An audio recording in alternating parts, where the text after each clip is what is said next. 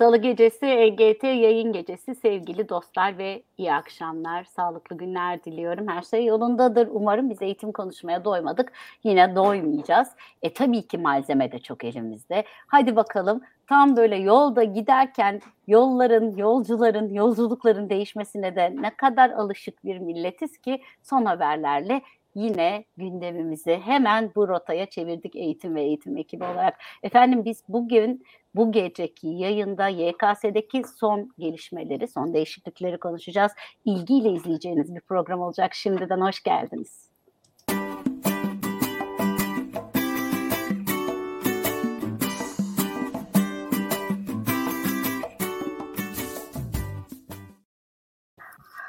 E, ilgili izleyeceğiniz bir program olacak dedim. Nereden biliyorum? Çünkü genelde bu yayınlar, bu tip yaptığımız yayınlar çağlar boyu bizim işte kaç yıllık yaptığımız yayınların içinde en çok izlenen yayınlar oluyor. O yüzden biliyorum. Biliyorum da konuşuyorum.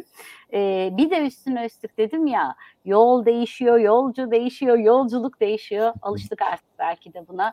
Bu ülke değil de herhalde bu yaşananlar başka bir ülkede olsaydı gündemin bambaşka maddelerinden biri olurdu. Ama biz tabii ki öyle bir madde yapmayacağız. Çocuklarımızın, öğrencilerimizin, öğretmenlerimizin ve eğitim dünyasının yararına olacak biçimde son alınan kararları yorumlamaya çalışacağız. Kafamızdaki soru işaretlerini masaya yaratacağız, yatıracağız. Kim var yayınımızda? Benim sevgili bir arkadaşım, e, uzun yıllardır tanıyorum ve hayranlıkla e, takip ediyorum çalışmalarını, emeğini. E, sözün sahiplerinden bir tanesidir. E, burada yeri gelmişken anmadan geçmeyeyim biliyorsunuz. Böyle yayınlarda hep konuğum Mehmet Aslan olurdu sevgili arkadaşım. Evet, e, evet. Süleyman hocamın da bir arkadaşıdır. E, ama e, biz bir, bir yayında bakalım Süleyman Çokay'la yapalım istedik. E, Süleyman kendisini şimdi anlatacak. Ben çok laf söylemeyeyim ama onun başarılı alanın uzmanı bir e, rehber öğretmen ya da rehberlik uzmanı olduğunu söyleyeyim ve mikrofonu ona bırakayım. Hoş geldin Süleyman. Hoş bulduk. Çok teşekkürler. Herkese iyi akşamlar. Hem ekibe hem de bizi izleyen velilerimize, öğrencilerimize. Az önce sen de bahsettin. Gündem aslında eğitim gündemi çok yoğun. Her zamanki ee, gibi. Evet.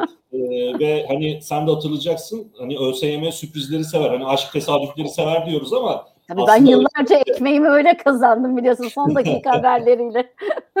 evet.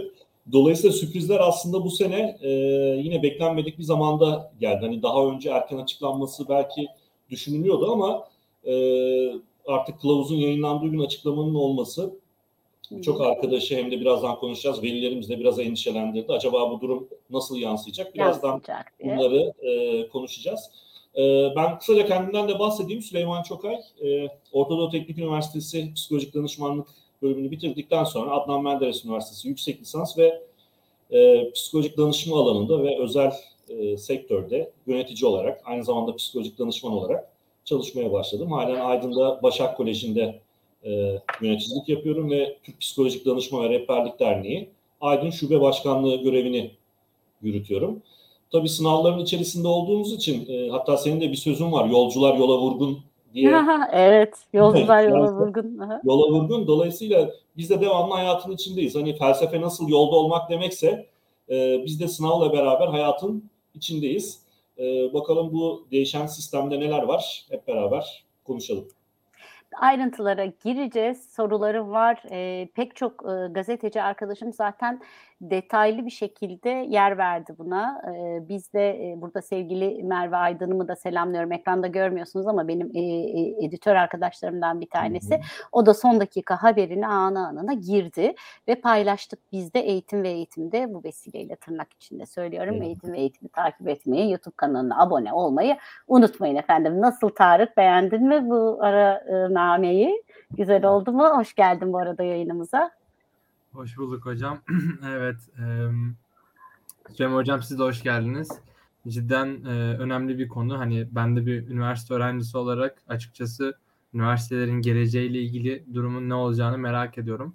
Burada bu konu üzerine hep beraber konuşmak e, bizim için e, keyifli olacak diye düşünüyorum. Hoş geldiniz. Son bölüm hazırlığı yaptın mı? Evet hocam. Harika. Yani sorguya alacağız. Öğretmenin tahtaya çıkmış haline bayılıyorum. Şimdi öğretmenler tahtaya diyeceğiz. Peki sevgili Kerim iyi ki çağırdın bizi e, bu yayına. Çünkü gerçekten konu çok önemli. Konuk keza öyle ve sen de her zamanki gibi bütün merakınla ekran karşısındasın. Hoş geldin. Hoş bulduk hocam merhabalar. Ee, şöyle bir şey söyleyeyim hepimiz sonuçta bu şu anda burada olmak için bir üniversite okuduk. Bu sınav ve e, hepimizi ilgilendiriyor. Geçmişte ya da şu anda bile. O nedenle e, yakinen ilgideyim ve de takipteyim. E, heybemi yine dolduracağımı düşünüyorum. E, Süleyman hocam şimdiden ağzınıza sağlık diyorum. Çok teşekkür ederim. Sevgili Süleyman sorular yağmaya başladı bile ama ben ara ara senin sözünü kesip hem onların sorularına e, sana ileteceğim Hı hı. hem de selamlarını e, Aydın Özel Başak Anadolu Sesi'nden selamlar demiş Mert Birkan. Hoş gelmiş yayınımıza ve Aslı Alabaz Aydın Karpuzlu AİHL'den selamlar demiş. E, Şule hocamın bir sorusu var ama önce ben e, şu e, alınan kararla ilgili olarak senin fikrini sorayım ve Şule hocanın aslında merak ettiği şeyle başlayalım. Baraj vardı Hı hı. eskiden Ee, ve tabii biz de gazeteciler şöyle bir başlık atardık. Bilmem ne kaç yüz bin öğrenci işte şu kadar öğrenci barajı geçemedi diye sevdiğimiz e, şeylerden bir tanesidir. Tabii dalga geçerek Evet. söylüyorum bunu. Hiçbir zaman yapmadım, hiçbir zaman da yapmayacağım. Çünkü bu matematiği e, hesaplamayı bilmemekle ilgili bir başlık ama maalesef Türk basınında çok yer buluyor. İşte sıfır çekti adaylar. Ee, Yahu bir sürü aday da sıfır çekmiyor. Zaten sıfır yapıyor bilerek ve isteyerek. Ee, Her e, şeyde e, salonda anlatmaya çalışan tek eğitimci gazeteci olarak çok dirsek çürüttüm. Buradan bir kez daha anlatalım onları. Çocuklarımız başarısız değil. Eğer bir başarısız varsa sistem. Hani bunu baştan bir söyleyelim. Onun dışında da bazen de o sistemin gerekliliğinden çocuklar sorulara el sürmüyorlar idi. Şimdi bu baraj neden vardı ve e, kalktı artık yok. Sudan çıkmış balığa mı döndük ne olacak? Şule hocam da demiş ki olmasıyla olmaması arasındaki fark nedir? Evet. Ee, şimdi genel olarak baktığımız zaman evet barajların kalkması aslında bir kaos ortamı e, yarattı gibi oldu ilk bakışta ama e, aslında hedef olan öğrenciler için yine birazdan değineceğiz. Hedef olan öğrenciler için barajın e, düşmesi çok bir anlam ifade etmiyor. Çünkü bizim için daha önemli olan e, barajlar bölüm sıralamaları. Yani örneğin mühendislik için 300 bin barajı, mimarlık için 250 bin barajı. Aynı şekilde tıp fakültesi için e, eczacılık için 100 bin barajı, e, diş hekimliği için geçerli olan barajlar bunlar bizim için önemli. Çünkü onlarda bir değişiklik olmadı. Yani e, temel meslek gruplarındaki e, barajların devam ediyor olması aslında öğrencilerin performansları üzerinde etkili değil. Ama burada tabii e, özellikle son e, günlerde hala da devam ediyordu. Ben en son Twitter'a girdiğimde sosyal medyada e, üniversiteye olan o girdinin zayıf olması ya da işte bir net yapan bir öğrencinin üniversitede olmasının e, çıktı anlamında ciddi sorunlar Mezunların kalitesi anlamında değil mi? Niteliği diyelim kalite deyince. mezunların evet mezunların niteliği, anlamında Niteliği. hı hı. e, soru işaretleri yaratıyor. Aslında e, bu noktada haklılık payı da var. Benim e, görüşüm de o doğrultuda. Çünkü bazı bölümlerde ciddi anlamda hem vakıf üniversitelerinde e, ki özellikle devlet üniversitelerinde daha fazla ciddi anlamda kontenjan boşlukları var. E, herkes şöyle düşünüyor işte vakıf üniversiteleri için bu baraj e, düşürüldü diye söyleniyor ama boş kontenjanlara baktığımızda devlet üniversitelerinin kontenjan e, boş olan kontenjan sayısı daha fazla. Evet. Böyle bir durum söz Hı hı. konusu. Ee, Evet. Dolayısıyla örneğin Çünkü e, üniversite sayısı daha fazla tabii. Evet, Evet. e, şimdi Hı hı. Tarık Emir de e, katılabilir. Tarık Emir de psikoloji okuyordu. Hı hı. E, şimdi bakıyorsunuz psikolojideki o range genişlik çok fazla. Yani Türkiye'de ilk eşit ağırlığın en yüksek puanlı alan bölümü. Evet. Binden de öğrenci alıyoruz ama şu anki pozisyonda geçen seneki e, skorlara baktığımız zaman 2 milyon 300 2 milyon 400 bin kişi e, sınava başvurmuştu. Bir neti yapan bir başka öğrenci de psikoloji bölümünü yazabilecek. Eşit ağırlık için veriyorum bu örneği. E, ama psikoloji eşit ağırlığın lokomotif bölümü. Amiral gemilerinden bir tanesi psikoloji, psikolojik danışmanlık. Dolayısıyla burada öğrenciler arasında bir e, iletişim anlamında olabilir, bu üniversiteye bakış açısı olabilir, eğitim öğretim hayatındaki performanslar karşılaştığı zaman bir sorun ortaya çıkarabilir. Çünkü çok fazla mezun olacak. E, ki bizim bu alanda ruh sağlığı yasası biliyorsunuz ruh sağlığı yasa tasarısı çıktı. Yurt dışında bir ruh sağlığı yasası vardır. Bizde ne yazık ki bu olmadı. Dolayısıyla e, ruh sağlığı yasa tasarısı da e, rafta kaldı, mecliste kaldı.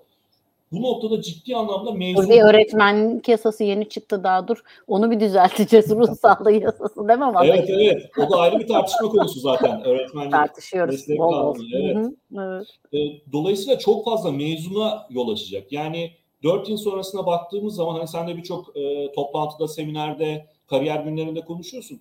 E, ciddi anlamda bir istihdam sorunu yaşanacak bazı bölümler için. Yani Volkan barajın Akçay şey demiş bir netle gelen diğerinin psikolojisini bozmasın hocam demiş.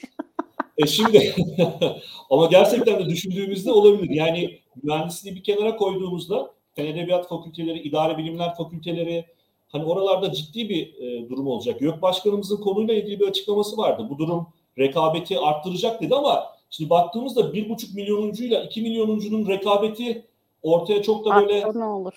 ha, keyifli bir e, ortaya böyle bir tablo çıkarmayacak.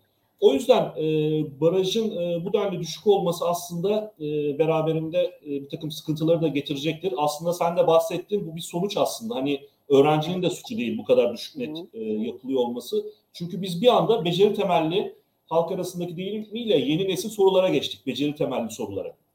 Ama buna Evet. kimse hazır değildi. Hani PISA dedik, TIMSS dedik.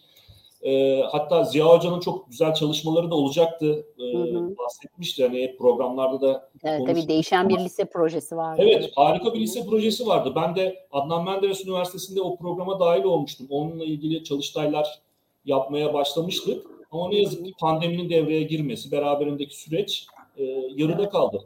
Dolayısıyla herkes hazır, hazırlıksız e, yakalandı. Evet. Yani o sınavların içeriğinin değişmesi 2021 e, YKS çok zordu. Zaten Türkiye ortalamalarından da gördük. Dolayısıyla e, sistem içerisindeki değişiklik hem eğitim öğretim hem öğretmenlerin hem öğrencilerin bu yeni sınav sistemine adapte olamaması işte çok düşük Türkiye ortalamalarına ve netlerine e, yol açtı. Evet. Peki eee, bir yandan bu işin eee, matematiksel bir tarafı var. Yani bir grup insan doğal olarak diyor ki üstteki rekabet, üst kulvardaki rekabet aynen devam edecek diyor. Ama bir yandan da birçok öğrenci için de artık üniversiteye nasıl olsa girebilirim rehaveti de olacak gibi görünüyor. Söylentiler bu. Yani işte şöyle bir küçük kamu araş- araştırması yaptığım zaman birçok öğrencinin ben e, lise akademisiyle çalışıyorum biliyorsun Evet, birebir bir yıldır. E, birçok öğrencinin ya nasıl olsa gireriz deyip biraz daha gevşediğini görüyorum e, kendi adıma. Bu, tip kararların böyle e, yoldayken alınması yani hemen önümüzdeki yıl için alınmasının e, psikolojik olarak öğrencileri nasıl etkilediğini düşünüyorsun ya da doğru buluyor musun? Hı hı. Evet çok önemli bir nokta. Gerçekten de anlık bir değişiklik olması hani yoldayken bunun sistemin değişmesi ciddi anlamda e, kaygı seviyesini öğrencilerin arttırdı. Hani sen de bireysel görüşmelerinde fark etmişsindir. Zaten tespit de etmişsin. Hı hı. E, çünkü biz dönem başında öğrencilere bir sınav stratejisi belirledik. Özellikle TYT'de hangi testten başlayacak, hangi teste ne kadar süre e, ayırması Süreler lazım. de değişti bir de tabii yani. Evet artı 30 dakika yani belli bir plan program yapılmıştı. Dolayısıyla bu zamana kadar Ocak yani Şubat ayına kadar devam eden bir süreç vardı ve biz bunu sisteme oturtmuştuk. Bir anda sistem değişikliği olunca şimdi hem öğrencilerde hem velilerde ki biliyorsun kaygı bulaşıcıdır. Hı hı, Veliler hı. daha çok heyecanlı. Türkiye'de e, öğrenciler sınava girmiyor. Veliler de sınava giriyor. Evde bir anda e, bu sistem değişikliğiyle beraber iletişim sorunları, ne yapacağını bilememe, e, sınav tekniğini acaba değiştirsek mi, değiştirmesek mi tarzında soru işaretleri oluşmaya başladı. Dolayısıyla aslında bu alınan kararın e, dönem başında e, ifade edilmesi gerekiyordu. Aslında bence dönem başından da çok önceden beri. Şimdi elimdeki notlara bakıyorum. Sevgili e, Türkiye Gazetesi'nden Mahmut Özay'ın e, haberini okudum ben e, özellikle Hı hı. bu yayına geleceğiz diye. E, 1974'ten beri uygulanan sisteme son verildi diyor Mahmut Özay ve ekliyor. Bu model getirildiğinde 30 üniversite vardı. Her ilde bir üniversite ve açılan yeni programlarla bu yöntemin sürdürülmesi imkansızdı diyor ve biz bu cümleyi değişik biçimlerde, formatlarda yıllardır söylediğimizi, her ile bir üniversite sloganı çıktığından beri benim işte CNN'deydim o zamanlar. Evet, CNN evet, Türk'te yayın yapıyordum. CNN Türk'ten beri bunu söylediğimi e, biliyorum. Yaklaşık işte 7-8 yıldan beri hep bunu söylüyoruz. Yani çok da aslında böyle yeni bir şey değildi. Hani çok rahat e, hemen bir önceki sınavın bitiminin sonrasında e, daha çocuklarımız yeni yola başlamışken alınabilecek bir karardı gibi geliyor bana. Peki niye zor al- alındı acaba? Var mı bir fikrin?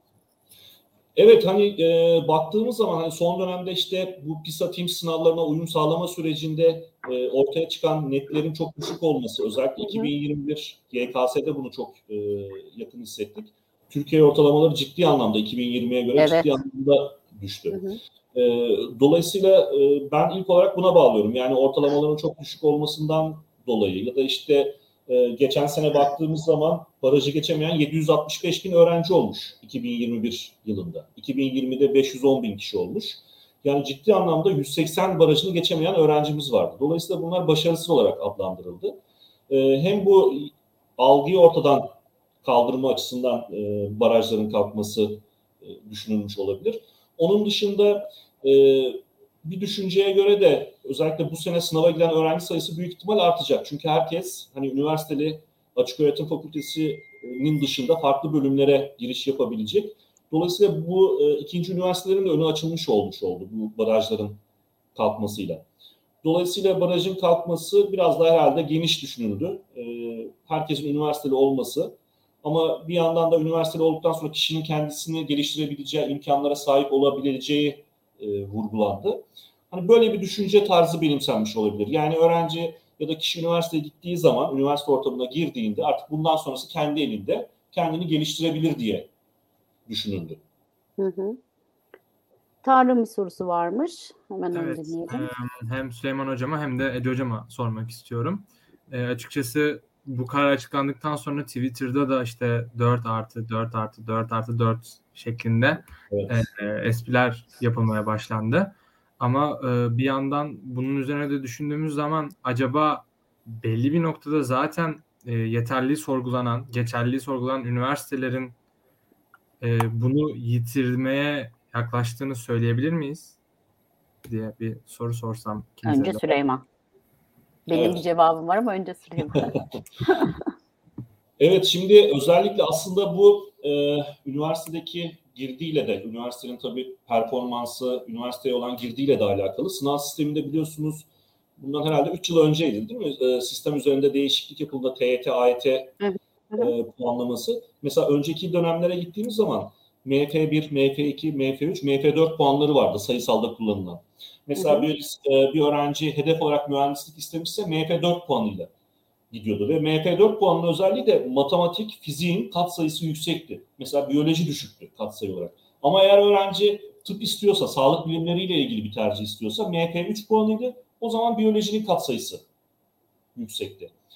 Ee, ve fiziğin katsayısı düşüktü. Böyle bir sistem vardı. Ama şimdiki mevcut sistemde puanlamaya baktığınız zaman çok ilginç e, istatistikler var. E, bir öğrencinin tıp fakültesine gitmesi için ciddi anlamda matematik, biyoloji yapması gerekmiyor. Çünkü TYT'de tüm derslerin katsayıları eşit. Örneğin biz kendi bölgemizden bir örnek vermek istiyorum. Muğla'da, Muğla Tıp Fakültesine giden en son öğrenci geçen sene 14 matematik yapmış. Bakın 14 matematik şimdi desek ki ya 15 matematik yapsa tıpa gider. Yok canım dersin şaka mı yapıyorsun? Ama gerçekten öyle. 14 matematik. Ha neyi iyi yapmış? Sosyali iyi yapmış, Türkçe iyi yapmış. Çok da iyi Evet. olmuş. Tıp için çok önemli şeyler tabii. Şey yani mesela ODTÜ özelinde düşünelim. Ee, mühendisliğe gidiyor öğrenci ama matematik, fizik yaptığı için değil. Tarih, coğrafya, felsefe yaptığı için gidiyor. Din yaptığı için gidiyor. Evet. Matematik, fizik neti %50, 14 soru geliyor AYT'de. 7 fizikle gidiyor biliyorlar. Valla ben Dolayısıyla- ben o tü fiziğe 41 buçuk matematik netle girmiştim. Ve hani e, yani 41 buçuk değil de işte atıyorum 30 buçuk yapsam Evet. giremezdim.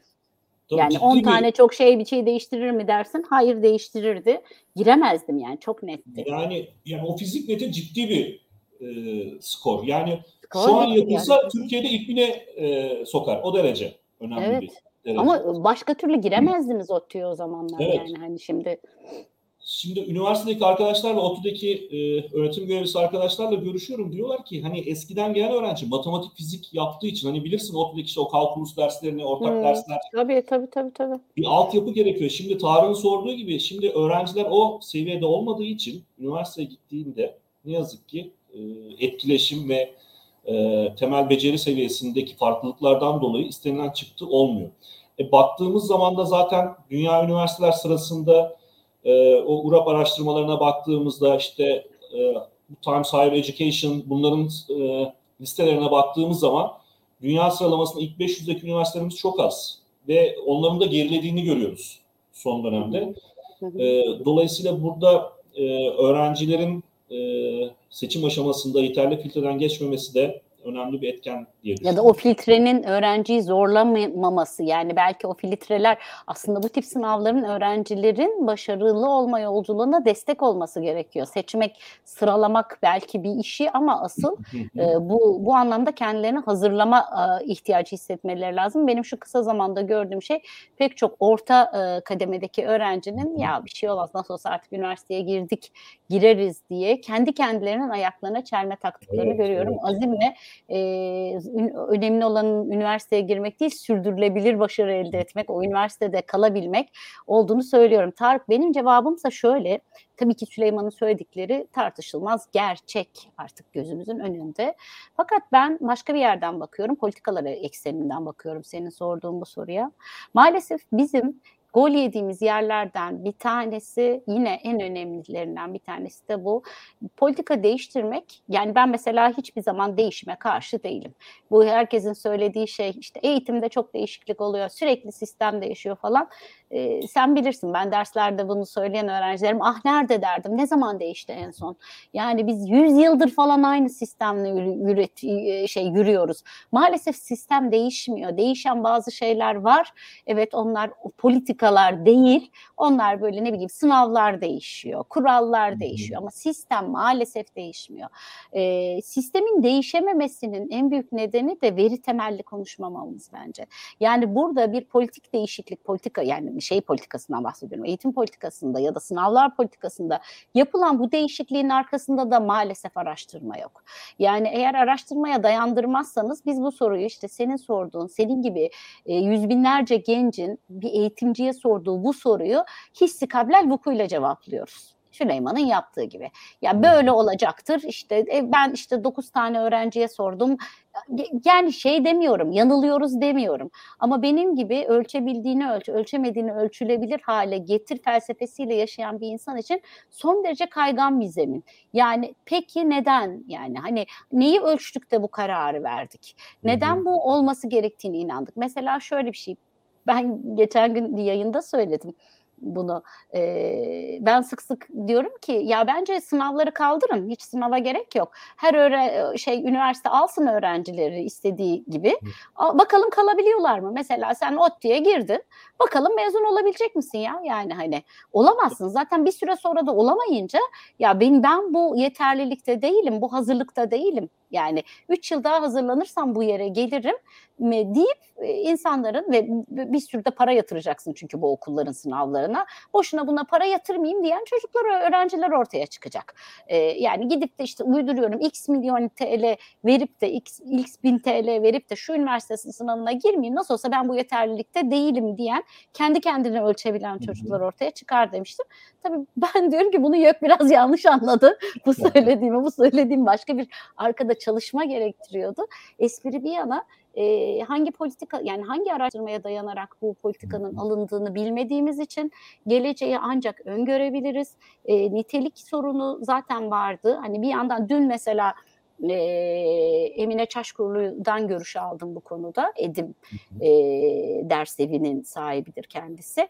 E, Emine Hanım da şey dedi ya Ece Hanım dedi zaten hani o kadar çok e, liseden kurtulamamış çocuğumuz var ki lisede bile alacağını alamamış çocuğumuz var ki belki de üniversitelere gelseler daha nitelikli e, bir dört yıl geçirecekler. Bu bir. İkincisi pek çok üniversitenin sözde bölümü var. Boş olduğu için kontenjanı şeyi yok. Yeterli veya nitelikli eğitim, öğretim elemanı yok. E böyle olunca oraya 10 tane insan geliyor. O 10 çocuk için yatırım da yapmıyor üniversite. Devlet, resmi ya da vakıf fark etmez. E, yatırım da yapılmıyor. O çocuklar heba oluyorlar. Hiç olmazsa dolu olursa oralara yatırım da yapılır dedi. Mesela bunlar da bakın başka bakış açıları bir yandan da. Ve tüm bunların cevabı ancak araştırmalarla, ancak sayılarla verilebilirdi. Ben o yüzden biraz vicdani sıkıntıyı yaşıyorum. Spekülasyonlar üzerinden gitmiyorum. Mezunların niteliği düşecek demek yetmez. Sen mezunları gerçekten ciddi bir eğitimden geçirirsin ve mezun etmezsin. O zaman mezunların kalitesi düşmez. Yani Evet. bugün sen nereden girdiğin önemli değil üniversitenin kapısından. O üniversitede nitelikli eğitmenler varsa eee, şeyden eee, ne derler tahtadan fatura seçer gibi eee, doktora eee, tezi seçip de eee, şey yapmadılarsa, akademisyen olmadılarsa senin üniversitenin akademisyenleri o öğrenci alacağını alır, alamayan da gider ve yıl, yıl kaybetmiş olur, düzen kaybetmiş olur. O yüzden ben yine araştırmalara dayanmayan bu politika değişikliğinin bu tarafına karşıyım. Yoksa çünkü bir sürü karşı argüman geliştirebiliriz. Şimdi buraya 10 tane insan çıkarsak e, birçoğu iyi olduğunu bize e, ispat edebilir. İşte 1974'ten beri aynı sistemi uyguluyoruz. Değişmiyor. Bu da mı gol değil yani diyebilir biri de çıkıp bize.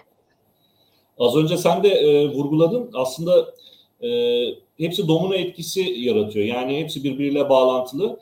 E, baktığımız zaman liselerdeki sınıf geçme sisteminin değişmesi, yani sınıf artık kalma diye bir kavram yok biliyorsunuz. Evet. E, öğrenci çok rahat liseden mezun oluyor. Yani liseyi aslında bitirme seviyesinde olmayan öğrenciler, o kapasitede, bilişsel seviyede, o donanımda olmayan öğrenciler üniversiteye başvuru yapıyorlar, kazanıyorlar, üniversiteye gidiyor. Ama lisede sınıf geçme sistemindeki bu değişiklikten sonra herkes bir şekilde liseden mezun olabiliyor ve bunun bir de orta öğretim başarı puan uygulaması da var. Hı hı. Ee, dolayısıyla hani artık hani teşekkür almayanı ayrıca takdir etmek gerekir. O pozisyondayız. Çünkü herkes e, takdiri alıyor zaten. Teşekkür almayan varsa asıl takdiri o hak ediyor. Yani o noktadayız. Dolayısıyla şimdi e, lisede de bu şekilde e, öğrenci mezun olduğunda, üniversiteye gittiğinde az önce sen de bahsettin. Üniversitenin de kendisinin ekstra bir çaba harcaması gerekiyor ki onunla ilgili YÖK'ün yayınladığı bir çalışma da vardı. Üniversiteler kendi içerisinde sınıflandırılmıştı. İşte e, kütüphanesi, e, öğrenci başına Evet. düşen öğretim görevlisi sayısı, akademik kadro, atıfta bulunan makaleler hani çok bilimsel e, ölçekte değerlendiriliyor. Aslında hani tercih zamanında da bunları konuşuruz. Tercih yaparken asıl bunlara Tabii. bakmak. Yani Tabii. buradaki sıralamalara. Yoksa sadece taban puanlarına bakıp büyükten küçüğe doğru sıralamak ya da üniversite deniz kenarında mı yoksa Avrupa'da mı Anadolu yakasında mı e, tartışmasına girmemek lazım. E, daha Evet orada Yok Atlas tabii yine çok işimize yarayacak. Umarım güncelleniyordur her evet, şekilde. evet kesinlikle. Ee, Yok Atlas buradan da e, Burak Kılancı e, sevgiyle selamlayalım. Büyük emeği var Evet, e, sevgili Burak'ın Yok Atlas'a ve bence e, bizim gibi e, bu işin bu tarafını e, madenciliğini yapmayı sevenler için güzel bir hem oyuncak oldu. Ben oyuncak diyorum kızıyorlar bana öyle deyince. Ben çok oynuyorum tabii açıp o Evet, egzellerle. evet. Hem güzel bir oyuncak oldu hem de güzel bir içerik oldu. Ellerine emeklerine sağlık onun ve ekibinin. Ee, peki Süleyman e, yarım net ya bu çok böyle şey yani bu kadar mı peki diye bir soru geliyor aklıma. Yani yarım netle üniversite şimdi o üniversiteyi o çocuk bitirecek sonra da e, şey olacak yani akademisyen olacak belki değil mi? Öyle bir hakkı var yani. Sen Tabii hakkı var yani kesinlikle hani oradaki işte e, hani D'yi barajda- dahi ayırabiliyor mu acaba ya diye sormayacak mı kimse yani hiç şimdi okumayan, ondan sonra sorgulamayan, e, işte biz 21. yüzyıl işte e, beceriler diyoruz, e, analitik düşünme diyoruz. Hani bunlardan bahsederken işte yarım netin bir neti konuşuyor olmak aslında çok e, yani trajikomik bir durum. Ve az önce verdiğimiz örneklerde de hani bir bölümün ilk binden alan üniversitesi de var. Şimdi 2 milyonuncuları konuşacağız. Yani 2 milyon kaç 393 bin kişi girmiş. Belki sene yani 3 milyona yakın bir öğrenci grubu olacak. Yani Sıralamada 3 milyonları konuşuyor olacağız ha. 3 milyon hani 1 milyoncular vardır ya pazarda böyle salı pazarında 1 milyoncular. Şimdi artık 2 milyoncular belki 3 milyoncuları konuşuyor olacağız. Dolayısıyla bu bir adaletsizliği de aslında beraberinde getiriyor. Ee, çünkü burada hani ilk yüze ilk bine giren öğrencinin olduğu bölüm bir bakıyorsunuz e, 2 milyon 3 milyon. Hani adaletten konu açılmışken ben e, birkaç yerde de yazmıştım. 2021 yılındaki öğrencilere de bilmiyorum sen de katılır mısın? Ayrı bir haksızlık yapıldı. 2000 geçen sene YKS'ye giren öğrencilere. Aa, nasıl anlatsana. Nasıl şöyle, e, şimdi pandemiyi en yoğun yaşayan 2003 doğumlulardı. Yani geçen sene üniversite sı- sınavına giren gruptu. Hı hı. 2021'de. Mesela 2020'de 30 dakika 2020'de sınava girenlere verildi. 2021'de sınava giren öğrencilere, 2003 doğumlu öğrencilere o 30 dakika verilmedi. Hı hı. 2020'de müfredat sadece 3 aylık bir pandemi dönemi vardı hatırlarsın. Mart'tan İkinci sonra. dönem, Hı hı. Evet kapanmıştı. Ama ne oldu? Ee, işte türev, integral, bitki biyolojisi bilirsin bu konuların Çıkarıldı. hepsi çıktı. Yani baba konular gitti. 2021'deki çocuklara müfredat tamamen aynı Hı hı. verildi. Ki pandemiden iki yıl boyunca pandemiden etkilenmişlerdi. Müfredat da normal klasik düzen soruldu. Geçen sene barajı düşürmek zorunda kaldılar biliyorsun. Çok sınav zordu. Barajı sadece 170'e çektiler. Ama şimdi bakıyorsunuz 2022'de artı 30 dakika var. Ee, adını soyadını yazan üniversitede olabilecek pozisyona geldik. Ee, dolayısıyla tüm bunlar kendi içinde de bir adaletsizlik. Yani 2021 yılında giren bence e, yani dönemin en bassız e, grubu diyebilirim. Hem pandemiyi yoğun yaşadılar hem de o stresi yoğun yaşadılar. Hocam eee, ben ilk YKS'ye giren nesildenim. Eee, Aralık ayında tarih ile coğrafya dersi kaldırıldı. Ben sınava girmeden. Doğru doğru. Ya şimdi talihsizlikleri bir sayarsak o ne? Tabii tabii yani adaletsizlik zinciri, talihsizlik zinciri ortaya çıkacak. Ee, o da senin o dönemde yaşadığın da çok enteresandı. Yani 3 ay boyunca öğretmenler ayrıldı. Tarih, coğrafya öğretmenleri, fizik, kimya, biyoloji yani ciddi sıkıntı. 3 ay sonra tekrar e, sınav geldi. Hatta Ece hatırlar e, o dönemde bir e, basın açıklaması olmuştu Ankara'da. Cumartesi günü sınav olacak. Başkan o zamanki başkan şöyle demişti. e, hatta gazeteci arkadaşlar sordu. Hani öğrenci barajı geçip geçmediğini nasıl bilecek? Nasıl anlayacak? Ha yani hissedecek, yani öğrenci hisseder ya çıktı. Yani. Çok net hatırlıyorum çünkü ben Değil mi? biz de başlık yapmıştık. Artık hislerinizle üniversite sınavına bravo. giriyorsunuz ikincisine diye e, haber yaptım hatırlıyorum.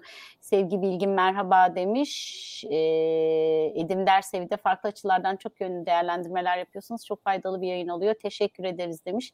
Biz de katkıları için ona teşekkür ediyoruz. Burada Aslı hocamın güzel bir sorusu var. Aslı Alabaz demiş ki e, bu durumda soruların daha zor olmasını mı bekliyoruz?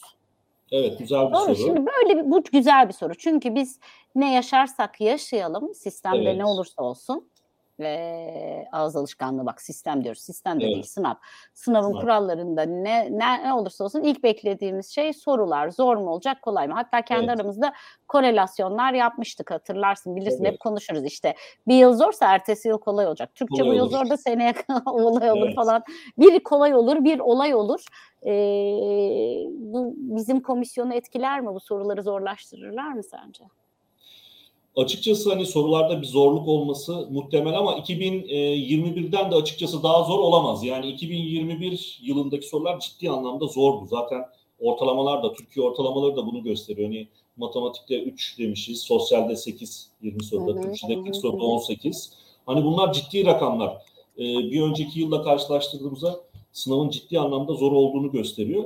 Dolayısıyla 2021'den e, daha zor olmaz. Ama illaki bir uğraştırıcılığı olacaktır.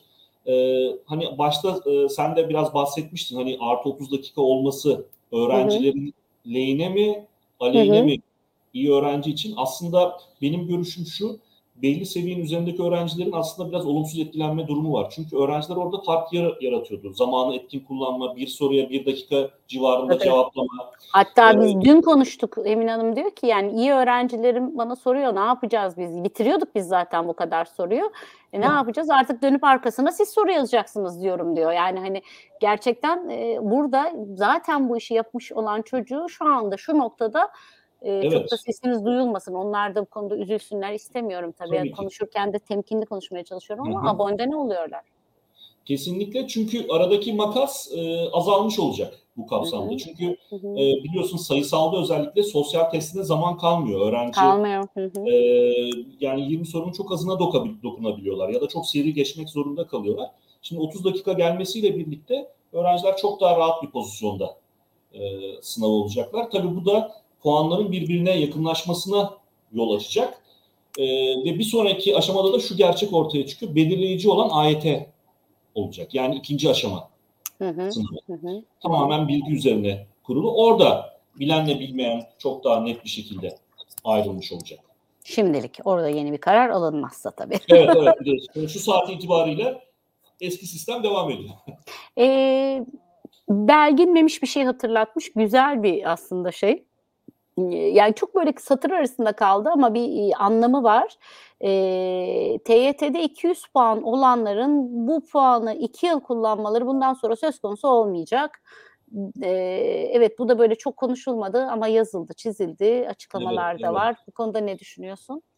Ee, ben de hani bu 200 puan hani e, yüksek olan puanı kaldırılması gerektiğini düşünenlerdendim. Çünkü geçen sene ciddi anlamda 2021'lere vurdu o da zaten. 2020'de yüksek TYT puanı olan öğrencilerin yansıması 2021'de mezunlar açısından olumlu, 12. sınıflar açısından olumsuz olmuştu. Hı hı. Puanlardaki dalgalanmanın nedenlerinden bir tanesi de buydu. TYT'nin kullanılıyor olması. Olması. Dolayısıyla evet şu an kalkmış olması aslında doğru bir e, karar olarak görüyorum. Harika. Ee, bu yorumu da gerçi yani bu dediğim gibi bu yorumların hepsi e, elimizde bir data ve veri e, silsilesine göre dayanmadığımız için istikabeler vuku yapıyoruz bir parça. Tabii sağdaki hani sahada gördüklerimiz hani sen de söyledin hani bizim bilimsel olarak yaptığımız hani bir verilere dayalı bir ne yazık ki çalışma olmuyor. Yani neye göre kime göre yapıldı? Hani kişisel bir görüş bu sistemdeki değişiklik yoksa elimizde veriler vardı. Veriler bize bu şekilde İşte zaten onlar olmadığı için böyle bir öncesi olmadığı için insanların aklına tabii ki ilk önce vakıf üniversiteleri dolması için e, geliyor. Ama bak mesela ne kadar güzel söyledim. Vakıf üniversitelerinden çok daha fazla boş kontenjanı olan devlet üniversitelerimiz var. Evet, Ve bunların evet. hepsi bir ma- ma- mali değer baktığınız zaman. Her açılan Kesinlikle. kapı bir mali değer, bir gider E, ve oraya oradan da o rahleden de birilerinin geçmesi için yapıldı. Onlar da geçsin Kesinlikle. isteniyor tabii ki. Devlet üniversitelerinde özellikle ikinci öğretim e, bölümleri vardı. Bunlar hani geçen seneye kadar hayatlarını sürdürüyorlardı. Yani son dönemde artık ikinci öğretimler kapanmaya başlandı. Çünkü bölüm e, bölümde öğrenci yoktu senin de az önce vurguladığın gibi. Tabii burada bir takım ikilemler de sıkıntılar da var. Şimdi e, hani ona da hafif değinmek istiyorum. Şimdi az önce bahsettik barajların kalkmasının aslında bir başka sorunu şu da var.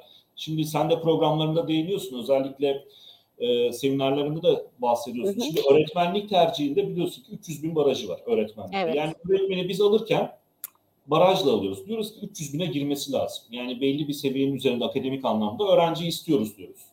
300 bin. Yani bugün baktığınızda 10 binden 20 binden öğretmenlik programları var. Hı hı. Ama ne yapıyoruz? Şimdi bu baraj kalkınca 2 milyonculuk, 3 milyonculuk başlayınca atıyorum bir Fen Edebiyat Fakültesini bitiren birisi formasyonla, bir aylık eğitimle öğretmen olabiliyor. Hı. O zaman 300 binlik bizim koyduğumuz Yapmamız. öğretmenlik yani bölüm baraj sıralamasının bir anlamı yok. O zaman Tabii. herkes fizik O kimya şimdi de zaten şu anda yapsın. da aynı şey. Yani çok rahat su ürünlerinden de mezun olup Hı e, öğretmenlik yapabiliyorsunuz yani. Yani. Dolayısıyla o konan e, barajın da bir anlamı olmamış oldu. Hı hı. Yani bir aylık eğitimle hani bir dönem açılmıştı evet ihtiyaç vardı o dönemlerde hatırlarsın hani 2000'li yılların başında işte 99'da İşte Hani ihtiyacı bunlar- böyle bir cevap bulmak saçma ama yani hani ihtiyacın cevabı için yine Tabii yine değil. madem ihtiyaç var politika üretmek gerekiyor aslında. kesinlikle politika öğretilmesi lazım. Hani yani o Anadolu öğretmen liselerini bilirsin. Anadolu öğretmen liseleri onun öncesinde hani köy enstitülerine kadar uzanan bir geçmişi var. Ne yazık ki öğretmenlikle ilgili e, tüm bu bileşenlerin ortadan kalkması işte beraberinde e, sıkıntıları da getiriyor. Son bir tane daha sorum var. E, ardından Tarık'a bırakacağım mikrofonu. Sana e, seni tahtaya kaldıracak. Öğretmenler tahtaya diyeceğiz. E, Anadolu'da öğrenci e, ekonomisinin e, böyle hani Anadolu'da ekonomik olarak bir şey yaratacağını düşünüyor herkes. E, bir işlem hacmi yaratacağını düşünüyor. Hani İstanbul'dan bakınca size Anadolu çocuğu diyoruz biz. E. Aydın, Ana- Anadolu. Bekliyor musunuz e, sizin cephelerde bir hareketlilik? Evet evet biz Ekonomik hani e, Aydın'ın havası, toprağı, suyu meşhurdur. hani e, Tamam yazın gelecek bizim çocuklar evet, kayıtlara evet, geçsin. bekliyoruz mutlaka. Ekibimizi, EGT yayın ekibini Aydın'da ağırlıyoruz. Peki. Kesinlikle. Kesinlikle o bizde. Ee, mutlaka hareketlilik yapıyor. Bizim Aydın'ın ilçelerinde de yüksek okulların olması. e, mesela bölge halkı da çok iştendir. Hani Ege'nin sıcaklığını e, her şekilde hissedecektir gelen öğrenciler. e, gerek Adnan Menderes Üniversitesi özelinde gerekse yakın İzmir bölgesindeki üniversitelerimizle birlikte e, farklı bir hava, farklı bir kültür ve çok önemsiyorum bu kültürler arası geçişler. E, hatta üniversitenin kendi içerisinde yapmış olduğu bu geçiş programları, değişim programları da e, çok önemli. Dolayısıyla mutlaka bir etki olacaktır. E, tabii burada şu da önemli. E, yine bir istatistik yayınlanmıştı tercih döneminde de öğrenci şehri, öğrenci şehirleri sıralaması yapılmıştı. Mesela o tablo Hı hı. çok önemli. Yani hangi iller tam bir öğrenci şehri? Bence o listenin altında olan şehirlerin de bir düşünülmesi lazım. Ya biz e, sondan üçüncüyüz, beşinciyiz. Acaba niye öğrenci dostu şehir değiliz diye. O anlamda bizim Aydın Büyükşehir e, olarak baktığımızda ilk üçteydik Eskişehir'le beraber. Eskişehir'le Dolayısıyla beraber. evet e, bizim bölgemiz iyi. Süper. Ee, gelin dostlar Aydın'a. Aydın'daki üniversiteler iyi şehir e, gayet öğrenci dostu. E, burada çok güzel e, gülen e, ve işini iyi bilen eğitimciler de var deyip e, sana hem teşekkür ediyorum hem de Tarık'a. E, Tarık konuğu yerden yere vurma olur mu arkadaşım? Yapma yani yazıktır, günahtır. Çağırıyoruz, zor getirtiyoruz, yalvarıyoruz. Çıkın ne olur diye. E, sen de konuğu yerden yere vurma. Hadi sana emanet olsun. Ee, hocam evet 5 soru 5 cevap şeklinde ilerliyoruz. İlk soruma başlıyorum. Bir kitabın sonunu değiştirebilseydim hangi kitap olurdu diye soruyorum. Kitabın sonunu değiştirmek isteseydim valla genelde psikolojiyle ilgili kitaplar e, okuyoruz. Eğer e, Carl Rogers'ın e, İletişim Donanımları diye bir kitabı var. İletişim Donanımları. Burada kitap örneğinde hep olumsuzla sonuçlanan konulardan vurgu yapılmıştır. Ben oradaki hani insanların devamlı iletişim içerisinde olabilmesine imkan sağlayan bir ortam hayal ederdim. Ee, peki sizi bir yolculuğa çıkarıyoruz ve yanınıza dünya tarihinde yaşayıp yaşamamış olan, yani şu an yaşayan veya daha önce yaşamış olan istediğiniz bir kişi alabilirsiniz hocam. Kim alırdınız? Vallahi hani e, klasik bir cevap olmuş olacak Mustafa Kemal Atatürk demek ama ben Atatürk'le beraber olup şu anki mevcut durumu yorumlamasını isterdim. Yani e, mesela bir eğitim mucizesi Finlandiya modeliyle ilgili beyaz zambaklar ülkesi e, orada yaşananlar ve günümüzde yaşananlarla ilgili konuşmayı çok isterdim. Hani bu değişim niye böyle oldu? Niye böyle oluyoruz? Bunu konuşmak isterdim. Evet hocam güzel bir Doğu Ekspres yolculuğu olabilirdi bence birlikte. Ee, sınava girecek bir öğrenci olsaydım ilk yapacağım şey ne olurdu? İlk yapacağım şey hedefi belirlemek olurdu. Ee, bir nokta atışı yapmak isterdim. Hani ilk hedef. Çünkü hedef olmadan hiçbir rüzgar, hani de- hep söylenir ya, hedef olmayan gemiye hiçbir rüzgar fayda etmez. İlk yola hedefle, meslekle başlamak isterdim. Yani keyif alabileceğim bir mesleği e, yapmak isterdim. Bu soru e, buradaki herkese, Ece Hoca ve Kerem abiye de soruyorum. Eğer bir sosyal medya olsaydım hangisi olurdu? Hangisi olurdunuz hocam? Benden mi başlayalım? Valla Twitter olmak isterdim. Ee, çünkü yani haber orada, gerçek haber orada, yaşantı orada. Hayatın kendisi bana Twitter gibi geliyor. Twitter olmak isterdim. Şimdi benim e, politik olarak TikTok demem gerekiyor biliyorum. Hayır şimdi bir TikTok'la bizim ekip bir işbirliği yapmaya çalışıyorlar. E, ve ben e, klasik bir e, iş di- dinozoru olarak yahu bunun neresinde iş var, ne yapılacak anlamaya çalışıyorum. Ama tabii hiç bunu bozuntuya vermeden Tara ta, şey cevap. Tabii ki TikTok olmak isterdim. Çünkü çok yeni nesil ve her şey orada dönüyor. Gençlik orada. Tabii ki ben orayı çok iyi biliyorum. O yüzden TikTok olup oranın fenomeni olmak isterdim. Duy sesimi Allah'ım duy sesimi. Ee, ben Instagram olmak isterdim sanırım ya. Bazen story gibi şöyle bir günde kaybolacak cümleler, bazen de şöyle canlı yayınlar gibi uzun uzun olacak e, paylaşımlar. Bazen de e, hani içimiz kan ağlasa da şöyle mutlu bir şekilde poz verebildiğim zamanlar. Photoshop'lu fotoğraflar diyorsun. Photoshop'lu, editli e, fotoğraflar ve videolar ile e, devam etmeyi isterdim. E, Düşüncem bu şekilde. Son sorum. Senin peki Tarık? Kerim. Aa, aslan Kerim. Ee, kesinlikle yani ben de Twitter'ı seçerdim. Ee, Süleyman Hocam gibi gerçek haberin orada olduğunu düşünüyorum ve Twitter'ın o kendi içerisindeki canlılığını ve komünite halini ım, beğeniyorum diyeyim. Ee, Bir şey söyleyeceğim. Sosyal medyalar birleşti ve oradan yukarıdan ses geldi. Ee, anca Facebook olursunuz siz. yani iyi yani için. benim için tabii bana hani yaş itibariyle bakıp anca senden Facebook olur Ececiğim diye cevap geldi. Ben bunu duydum. Mikrofonumu kapıyorum. son sorum bir okul açsam yani e, sizin bir okulunuz olsa e, okula alacağım ilk hoca. Yani dediğim gibi yine e, yaşayan ölü fark etmez. Böyle Hı hı. şık bir isim de seçebilirsiniz. Size Ece, bırakıyorum. Tamam. Ece Karaboncuk. Ay, Pardon mikrofonum açık kalmış çok özür dilerim. Vallahi Sokrates'i almak isterdim ben. Çünkü halkın bilinçlenmeye ihtiyacı var. Bu da ancak ironi yoluyla olur. Ee, Sokrates'in olması lazım o ekipte. Teşekkür ederim hocam. Harikaymış. Çok teşekkür ediyorum. Beş soru bitti.